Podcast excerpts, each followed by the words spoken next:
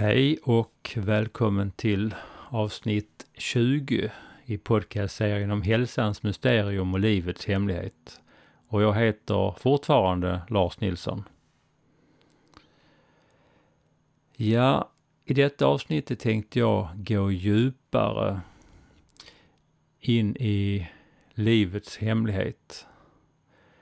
Och det som är spännande är att när man går in på det sättet jag tänkte göra i detta avsnittet i livets hemlighet så kommer man samtidigt och få en slags begriplighet i den här modellen även om mysteriet människan. Och hur detta är kopplat till, om man nu vill använda det ordet, Gud. Jag kommer nämna ordet medvetande många gånger i det här avsnittet. För er som är bekväma med begreppet Gud kan ersätta medvetande med Gud. För jag ser det som att Gud och medvetande är utbytbara. Och jag kommer att presentera en alternativ modell av livet. Och eh, det är modell som heter non-duality, som översätts till svenska med icke-dualitet. Och eh, som jag ska förklara strax. Och jag tror att det här kan vända upp och ner på era föreställningar om ni inte varit inne i den här tankesvängen tidigare. Och eh, jag kan nog tänka mig att det här är ett lika stort paradigm, nytt sätt att se på sin omgivning som det var när man upptäckte att jorden var rund istället för platt. Ja, ännu större. Så att eh, det här utmanar många av era föreställningar och trosystem. Så jag tar på säkerhetsbältet för säkerhets skull. För här blir det åka av. Men det viktigaste, var öppen, nyfiken och ödmjuk så lovar jag en fantastisk och spännande resa i det här avsnittet. Om vi då utgår ifrån det vanligaste synsättet som många har idag det materialistiska synsättet.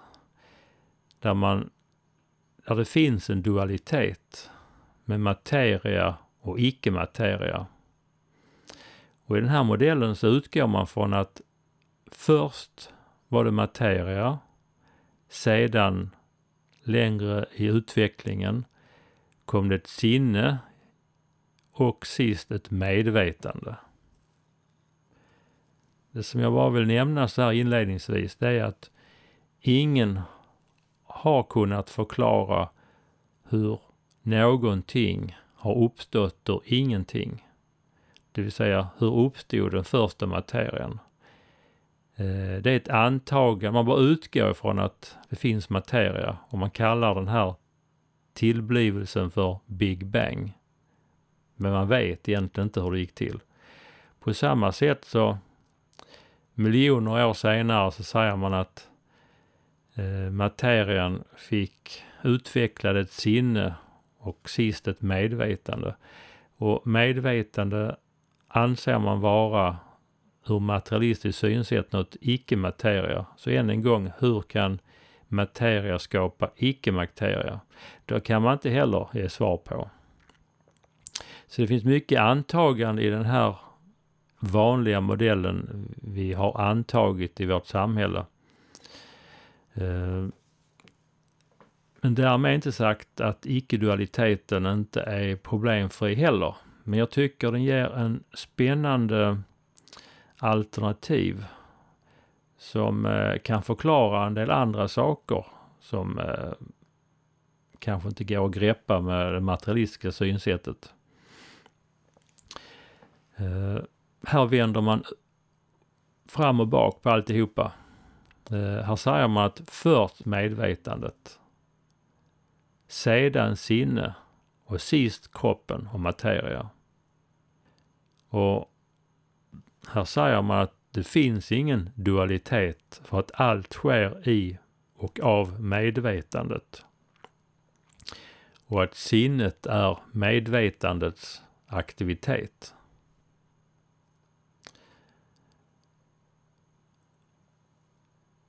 Och eh, medvetandet kan kanske bäst liknas som en oändlig, evig rymd.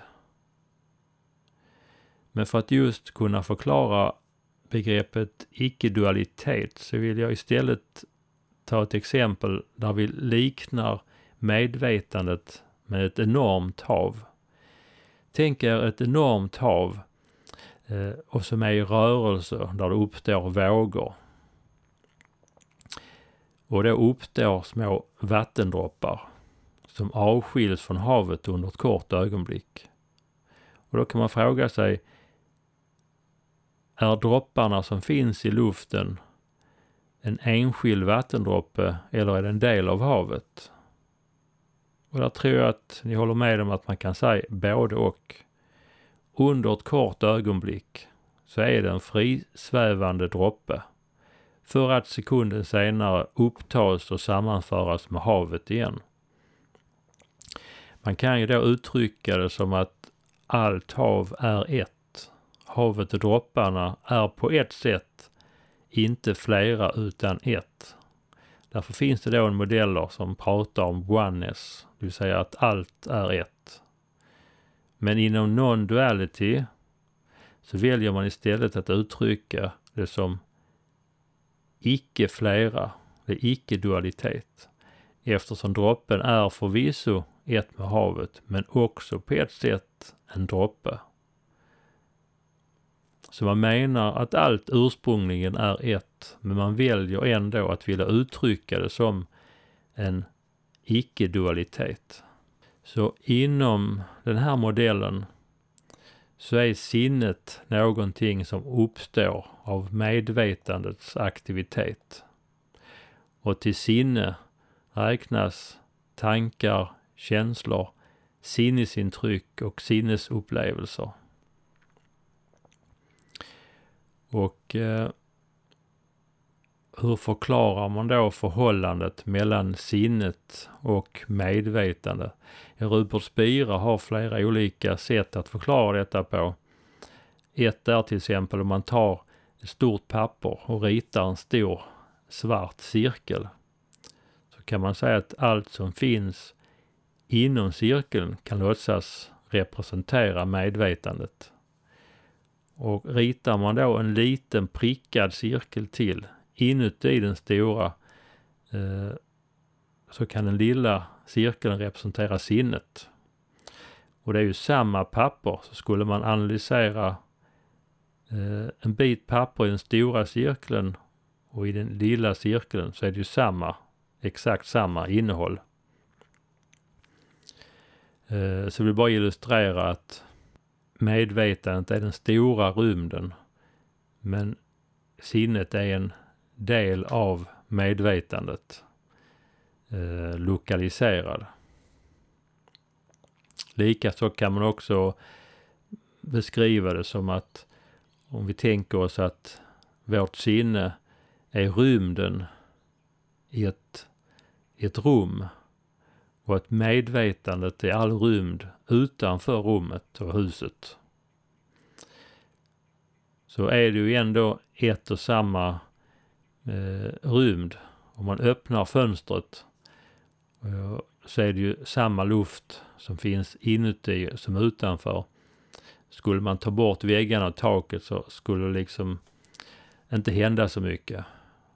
Och eh, man kan inte liksom se någon skillnad mellan rymden utanför och inuti. Det är på ett sätt samma. Och eh, Rupert Spira föreslår också att förhållandet mellan tankarna och sinnet är detsamma som mellan sinnet och medvetandet. Så allt sker i medvetandet och av medvetandet. Och sinnet är alltså medvetandets aktivitet. Och enligt detta synsätt så finns det inget medvetande hos människan eller ett djur eller en växt. För att det finns inte åtta miljarder medvetande eller åtta miljarder sinne, utan det finns ett medvetande. Och sen finns det åtta miljarder aktiviteter som skapar åtta miljarder sinne. Men i det enda medvetandet. Eh, man är också noga med att just beskriva att alla upplevelser som vi har är riktiga och verkliga för oss. Eh, men materian som vi i det materialistiska synsättet ser på som ett fristående och existerande ting utanför vårt medvetande, det ser man här som en illusion. Och vad menar man då med en illusion? Ja, men illusion definieras som att det är något som inte är som det verkar vara. Om man är törstig och utmattad och, och vandrar runt i öknen så kan man ju se en hägring. Och definitionen på en hägring är ju att det är någonting som personen ser men som inte finns i verkligheten men den upplevs ju i sinnet som verklig. Eh, så illusionen med materia skulle då på samma sätt vara att den upplevs som verklig. Men egentligen är den inte vad den verkar vara. Och det här kan ju verka lite märkligt att höra och föreställa sig i början. Men det finns det en bra eh, berättelse eller liknelse för att få lite grepp om detta. Och eh, i många av böckerna och föreläsningarna så tar Rupert Spira gärna upp exemplet med berättelsen om Mary och Jane. Mary är en kvinna som vi kan säga i det här exemplet lever i Ystad. Hon går och lägger sig i sin säng och somnar. Och i sin sömn så börjar hon drömma. I drömmen så drömmer hon att hon är i London och går på Londons gator. Och när Mary i drömmen befinner sig i drömmen på gatorna i London. Så bara för att kunna särskilja vad man menar Mary som ligger och sover i sängen eller att när hon går i sin dröm och upplever Londons gator eh, så namnger man det som Jane. Men det är ju samma person. Jane är henne själv i sin dröm i London. Och det som är intressant då, det är ju att tänka själva när ni, när ni drömmer en riktig dröm med full upplevelse. Och I det här fallet så går Jane omkring på Londons gator och känner marken under sig. Hon ser byggnaderna och trafiken. Hon till och med kan hoppa på en buss eller taxi, åka några kvarter gå in på en restaurang, uppleva och interagera med människor runt omkring sig, smaka på maten och uppleva egentligen som du eller jag skulle göra om vi verkligen i verkligheten åkte till London. Men nu sker det istället i Marys dröm när hon ligger och sover i sin säng i Ystad. Och det är ju först när Mary vaknar ur drömmen som hon insåg att det var inte i verkligheten hon befann sig i London utan det var som hon drömde. Men i drömmen så upplever ju Jane att allting är verkligt. Jane vet ju inte att allting som hon upplever som verkligt utspelar sig i själva verket i i sinnet på Mary. Så gen upplever ju materia, kan ta på saker och åker i en taxi eller buss och äter mat och smakar maten och eh, interagerar och pratar med människor och upplever verkligen sig själv som eh, sitt subjekt eh, och allting annat runt omkring sig som någonting annat. Men egentligen så vet vi ju nu när vi tar den här berättelsen att allting sker ju i Marys sinne. Så det finns ju ingen egentlig materia på det sättet. Så allting är ju inte vad det ser ut att vara. Och om vi nu skalar upp det och backar tillbaka. Vad är det som säger att det vi upplever just nu är verkligt? Och här menar man då inom non-duality att allting som sker, sker i medvetandet. Eller om man då säger i Guds sinne.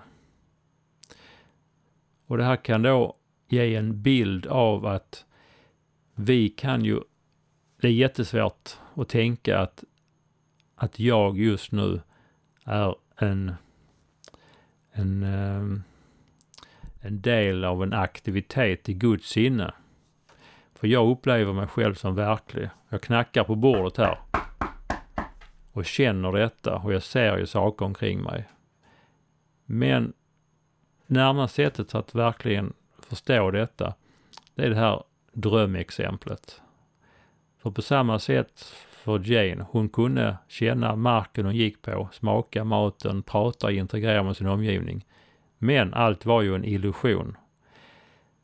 Inte det att hon inte upplevde det, att hon inte såg det, att hon inte kände det. Alla de upplevelserna var verkliga på samma sätt som du och jag nu upplever allting som verkligt. Men det är inte vad det ser ut att vara. Det är det man menar med att det är en illusion. Upplevelsen är äkta. Vi upplever det vi upplever. Och vi kan leka med Eh, materian och utveckla den och göra saker och bygga.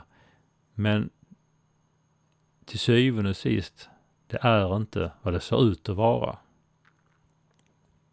Och med detta sagt så är det intressant att gå vidare för att just se på en del begrepp som poeter och mystiker har gett uttryck för på olika sätt.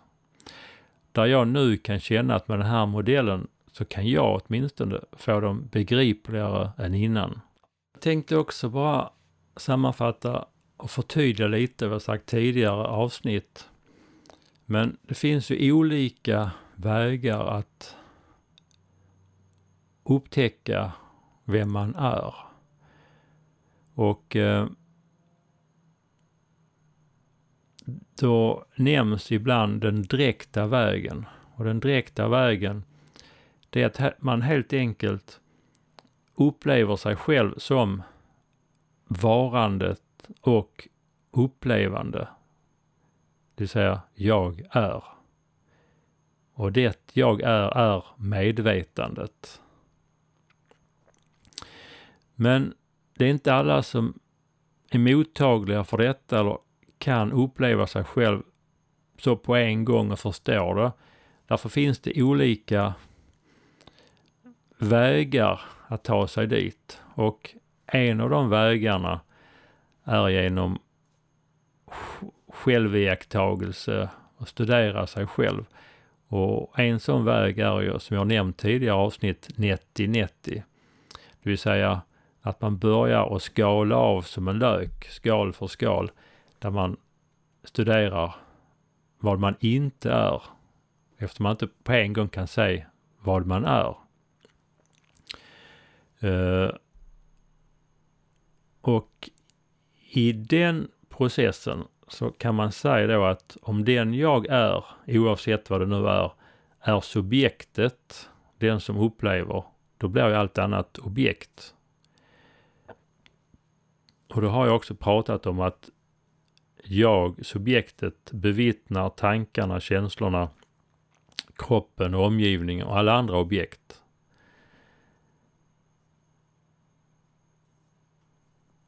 Allt utom jag blir alltså objekt. Och då har jag också sagt i tidigare avsnitt att man säger ju att därför kan man inte observera sig själv på samma sätt som man observerar tankar, känslor och sinnesintryck och, omgivning. Precis som ett öga kan inte se på sig själv och solen kan inte lysa på sig själv. Eh, jag är inte ett objekt, jag är ett subjekt.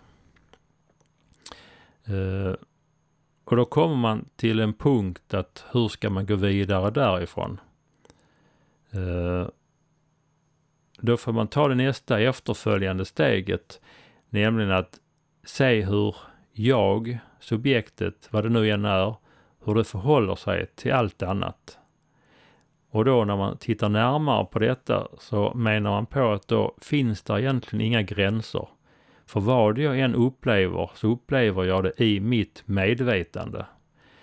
Eh, och det finns inga gränser där jag kan uppleva någon annan persons medvetande eh, Eh, eller någon annans objekt gränser. Så mina erfarenheter i mina upplevelser blir ju att allting hänger ihop. Eh, den jag är, mina tankar, känslor, kropp och omgivning tycks vara sammanhängande. Eh, och därför är det här med subjekt intressant och jag har just eh, avslutat en bok med KG Hammar som heter Släpp fången loss. Det är hans senaste bok som kom ut för ett och ett halvt år sedan. Och i ett av avsnitten tar han upp Gud som subjekt.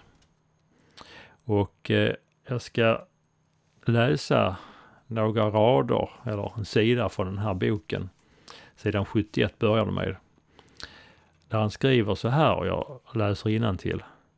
Vilken fråga är det som den mystiska erfarenheten ställer? Det är vad jag skulle vilja kalla subjektsfrågan. Vem eller vad är subjekt i ditt liv? Och eftersom det självklara svaret på den frågan är att var och en av oss måste vara subjekt i våra egna liv, gör också tanke på Gud som subjekt motstånd mot alla försök att göra Gud till ett objekt. Om vi tänker oss att Gud aldrig kan vara ett objekt bland alla andra objekt utan är subjektet i allt som finns, i alla livsprocesser, också i mitt liv, anar vi kanske något av den mystiska erfarenhetens förnimmelse.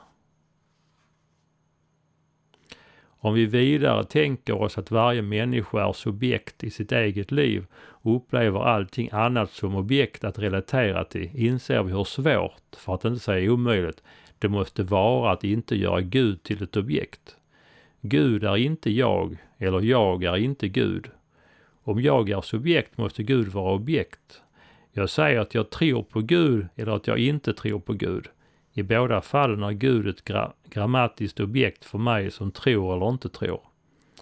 Anar jag att språket måste tänjas till bristningsgränsen, eller kanske till och med brister, förstår jag varför man hamnar i ett apofatiskt läge som ett resultat av den mystiska erfarenheten. Erfarenheten. Slut. Citat. Ja, det här tycks vara ett eh, stort problem då för kristna, kanske i kristendomen. Och som vi, som vi nu har sagt tidigare att jag upplever mig själv som subjekt. Samtidigt kan man ju inte då uppleva Gud som ett objekt. Och då får vi ett problem med två subjekt. Hur ska man förhålla sig till detta? Eh, I boken så svarar inte han själv på denna frågan utan han fortsätter här med att han hänvisar till vad Dag Hammarskjöld har skrivit i boken Vägmärken.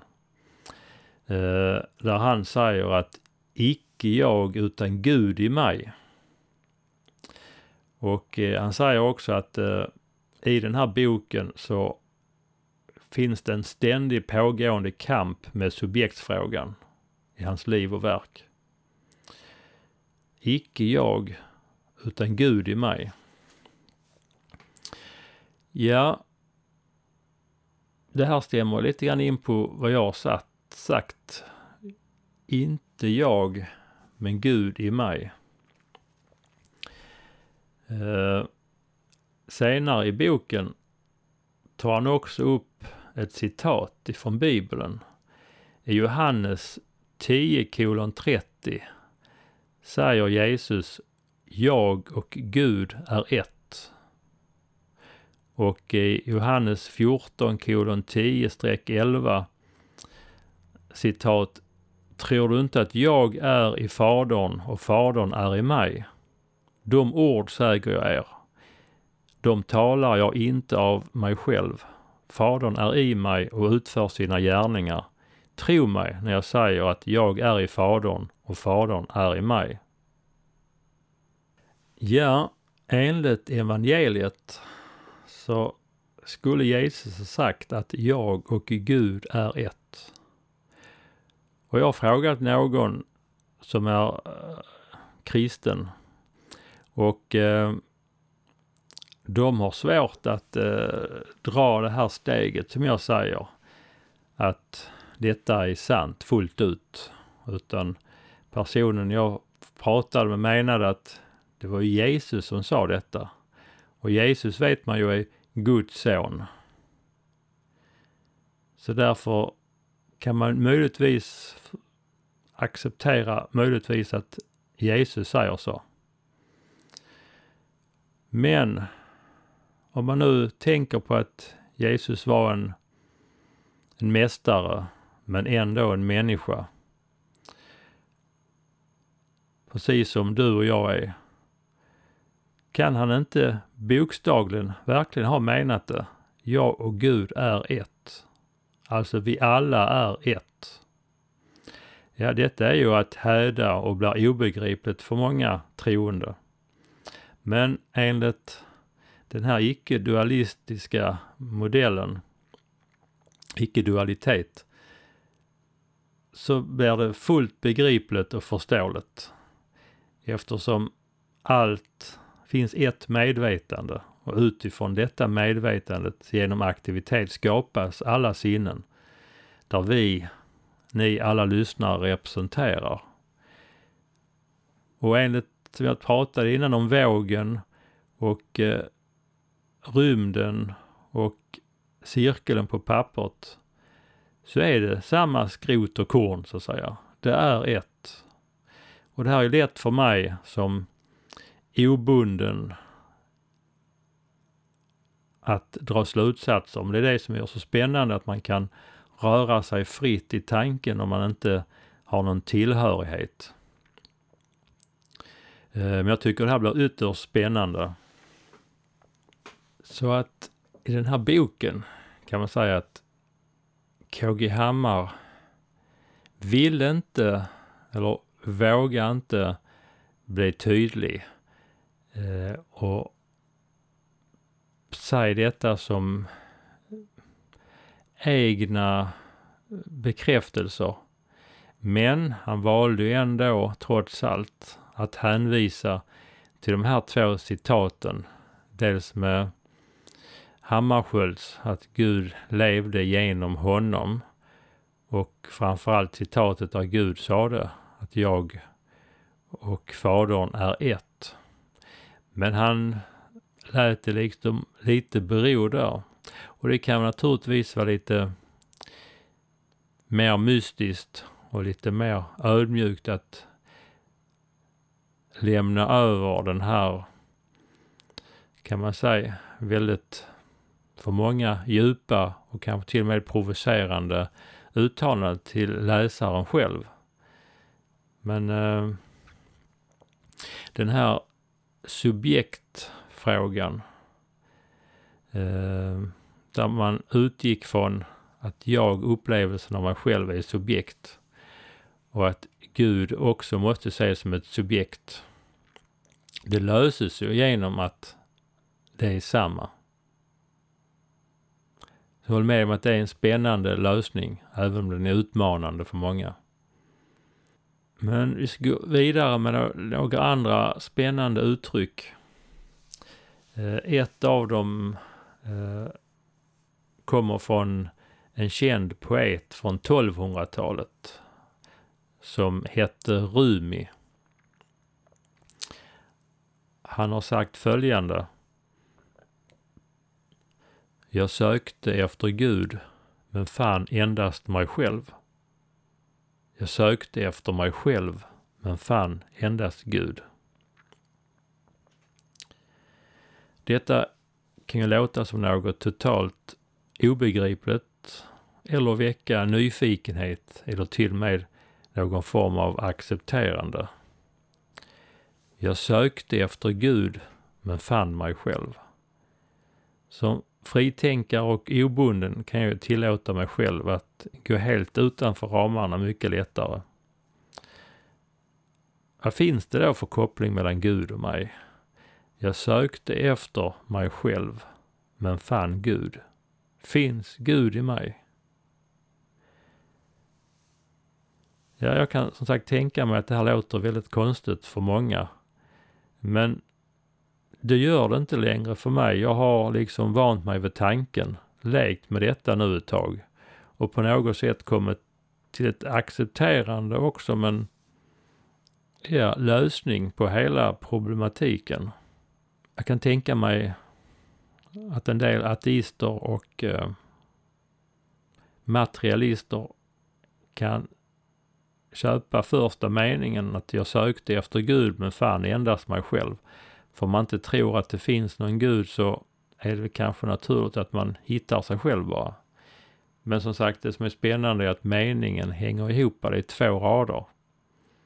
Den andra raden är ju minst är ju mer spännande. Jag sökte efter mig själv men fann endast Gud. Och det stämmer som sagt in i den här icke dualitetmodellen. Allt är rätt.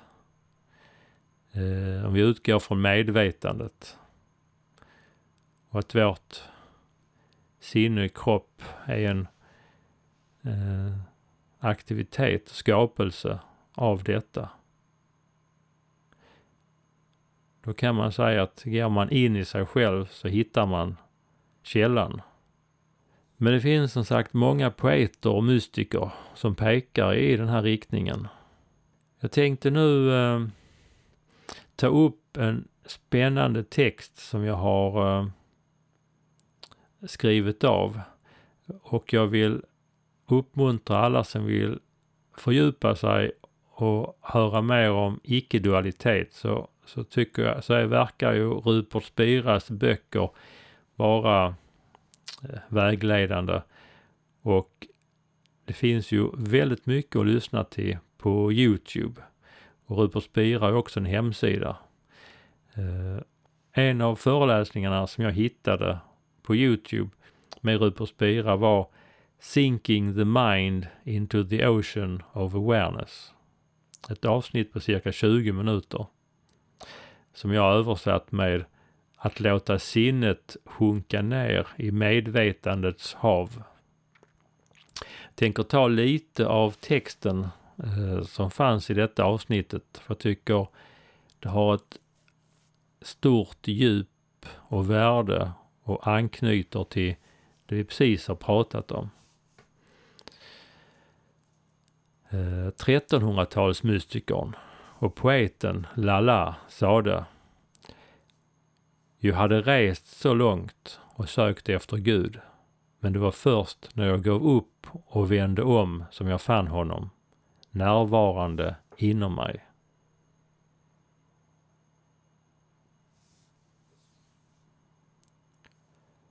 Jag hade rest så länge och sökt efter Gud, men det var när jag gav upp och vände mig inåt som jag fann honom inom mig.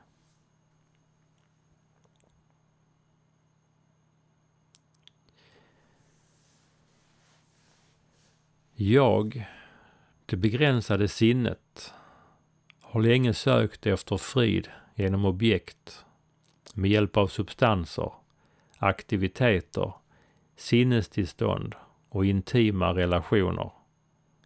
Detta yttre sökande har endast lett till tillfällig lycka och endast gett en kortvarig smak av frid och uppfyllelse för vilket jag längtade.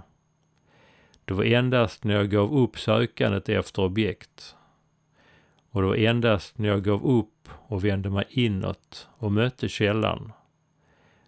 Det var först när jag tillät mig sjunka ner, djupare och djupare till hjärtat och medvetandet, Sen jag fick smak på den långvariga friden och uppfyllelsen som jag hade längtat efter i hela mitt liv.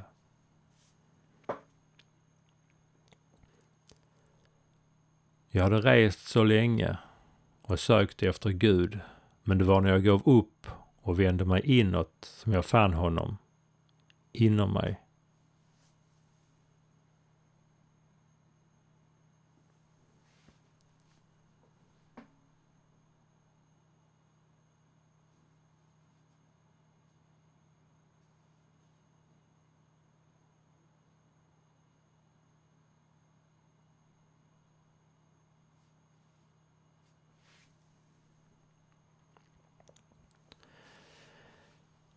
Om medvetandet kan liknas med ett hav så kan sinnet liknas med vågorna och strömmarna som sker i det havet. I djupet på havet finns fullständig lugn och stillhet. Ju närmare ytan man kommer, desto mer rörelse finns det. Så tankarna är vågorna som sker på ytan av havet och känslorna är strömmarna som sker inom havet. Så allt där finns av sinnet, allt där är av tankar och känslor är havets aktivitet. Just som vågorna och strömmarna av havet i rörelse är sinnet rörelse eller aktivitet av medvetandet. Så allt som sinnet behöver göra för att finna lugnet som det längtar efter är att sjunka ner i djupet i havet. Det är alltid stilla i havets djup. Allt sinnet behöver göra för att uppleva lugnet är att sjunka ner i djupet av medvetandet.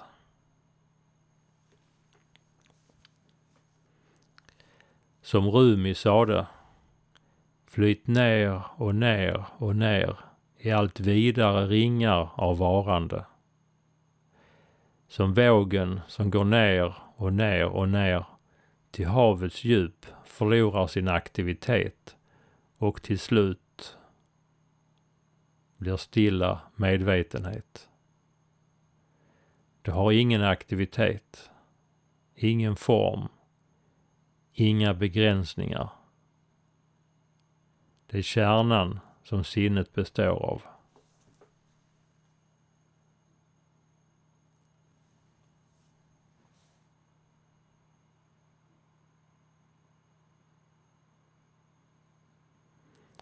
Vågen kan inte finna frid och uppfyllelse i en annan våg. Det enda stället att hitta varaktig frid och uppfyllelse är att sjunka ner i djupet av sig själv och successivt upplösas.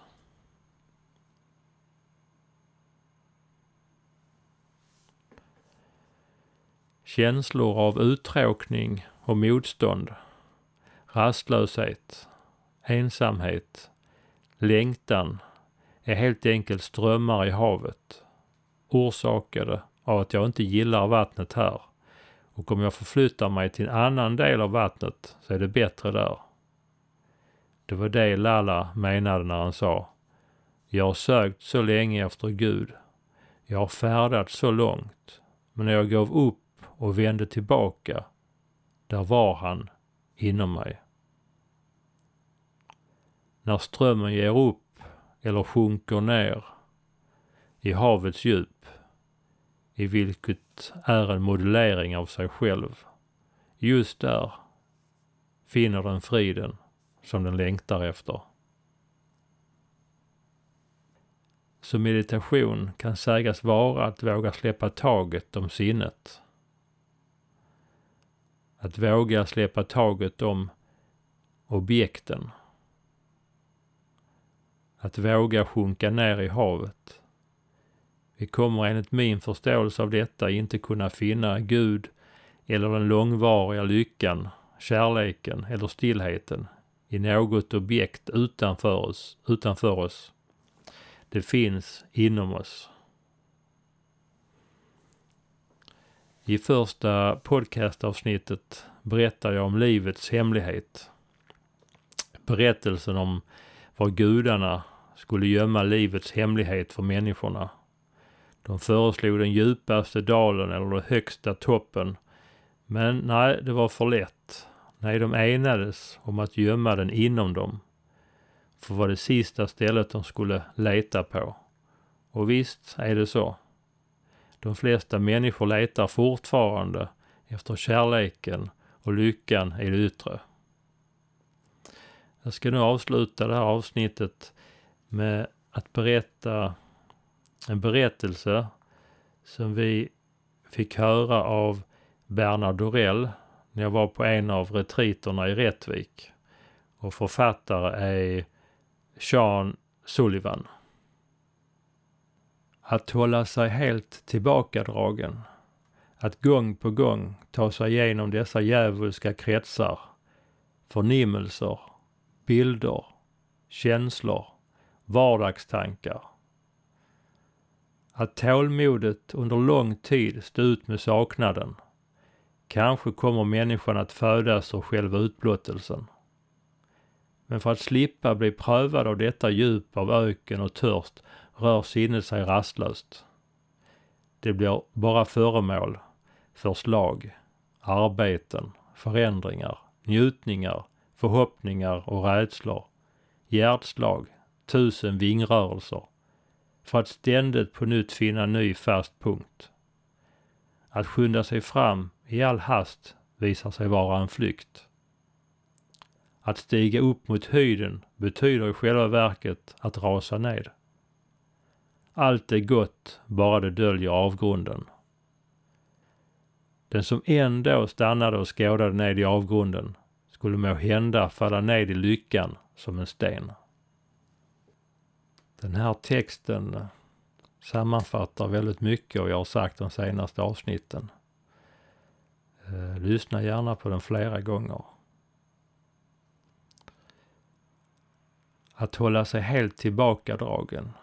Att gång på gång ta sig igenom dessa djävulska kretsar. Förnimmelser, bilder, känslor, vardagstankar. Den här texten tolkar jag som att det här att man hela tiden upprepar samma misstag. Man jobbar med sina tankar, bilder och vardagstankar som man liksom inte lyckas hantera. Och att tålmodet under lång tid stå ut med saknaden. Ja, saknaden av att hitta hem, saknaden av att hitta det inre lugnet, kärleken och glädjen och lyckan. Kanske kommer människan att födas ur själva utblottelsen. Men för att slippa bli prövad av detta djup av öken och törst rör sig sinnet rastlöst. Så man vågar inte stanna upp. Att skynda fram i all hast visar sig vara en flykt. Ja, man vågar inte stanna upp. Man flyr från sanningen. Att stiga upp mot höjden betyder i själva verket att rasa ner. Kanske man kan tolka det som att att hela tiden klättra uppåt, kanske på karriärstegen eller efter prestige, karriär, medaljer. Att rasa ner, ja det är kanske så att man kommer längre ifrån sökandet av sig själv. flykten tar oss ju bort från essensen. Allt är gott, bara det döljer avgrunden. Och den sista meningen tycker jag är förlösande. Den som ändå stannade och skådade ned i avgrunden skulle må hända falla ned i lyckan som en sten. Vi vågar alltså inte, vi är rädda för det inre. Vi vågar inte stanna upp. Men skulle vi göra det skulle vi falla ned i lyckan som en sten. Så det verkar som det är många som är rädda för det inre. Att den inre tomheten skulle kunna leva, leda oss fel, komma bort från sanningen eller till och med kanske till djävulen.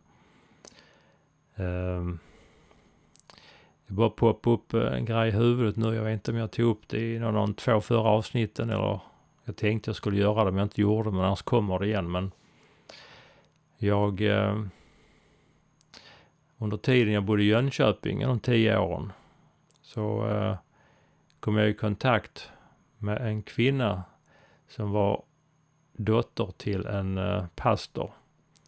Och uh, hon tog med mig och visade en, uh, en uh, församlingstidning från en uh, frikyrka där pastorn varnade sina medlemmar för meditation. Att det var liksom djävulens påfund. Uh, varnade för inre onda andar och så vidare. Eh, så det visar liksom hur skrämmande man har utmålat det här inre eh, för personer. Och det här är ju väldigt paradoxalt och, och skrattretande. Att om, som jag ser frikyrkor så är de ju mer angelägna och mer anhängare av, av sin religion än andra. Och att det är de som mest verkar längta efter. Eh, det varnar de sina medlemmar för. Att gå in i sig själv. Och eh, en annan intressant sak jag hittade var att jag hade också undrat länge över vad är egentligen problemet? Varför är så många religiösa, framförallt kristna, rädda för meditation? Eh, bara för att det verkar komma från en annan kultur. Men man kan ju liksom skala av det yttre och ta det liksom för vad det är och upptäcka kärnan.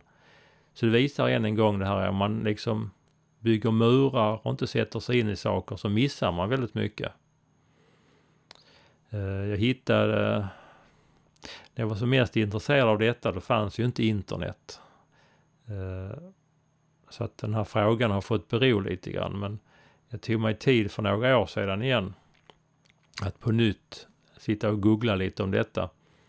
Och kom in på en eh, persons hemsida som jag förstod var väldigt eh, frikyrklig. Och han hade också en uttalad eh, ovilja och skepsis till meditation.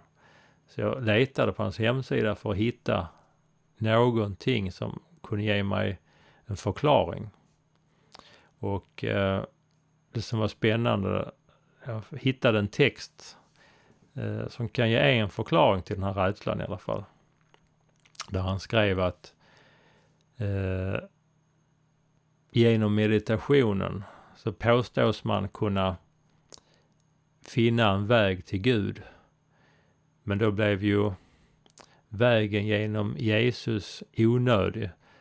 Så att han eh, menade på att inom meditationen och de här rörelserna så finns det en väg till Gud utan Jesus.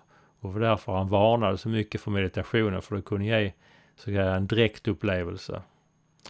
Och det är ju beklagligt att man kan se på det så här. Eh, och då vill jag också bara nämna att när jag lyssnade på Bernard Dorell som hade några föreläsningar under en av retriterna så menar han på att han sa så här som katolsk dominikanmunk att med tanke på hur världen ser ut så först och främst behöver alla människor bli människa, bli mer människa. De mänskliga värderingarna är viktiga. Och det hjälper meditationen till med. Eh, att behärska sitt sinne, eh, behärska sina handlingar och upptäcka vem man är. Sen menar han på, efter det, då kan man välja om man som han blir kristen eller om man väljer att bli jude eller någonting annat. Om man överhuvudtaget vill ha den tillhörigheten. Men just först och främst människa. Ja, det har blivit ett långt avsnitt igen. Så jag får avrunda och avsluta här.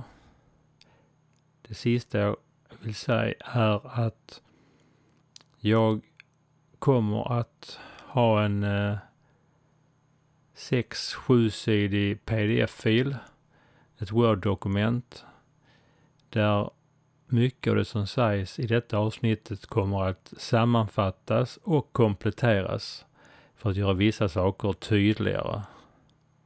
Så läs gärna det, dela med er och framförallt har jag valt att ha med det i text eftersom en del av de här sakerna tycker jag själv bättre om att läsa än att höra.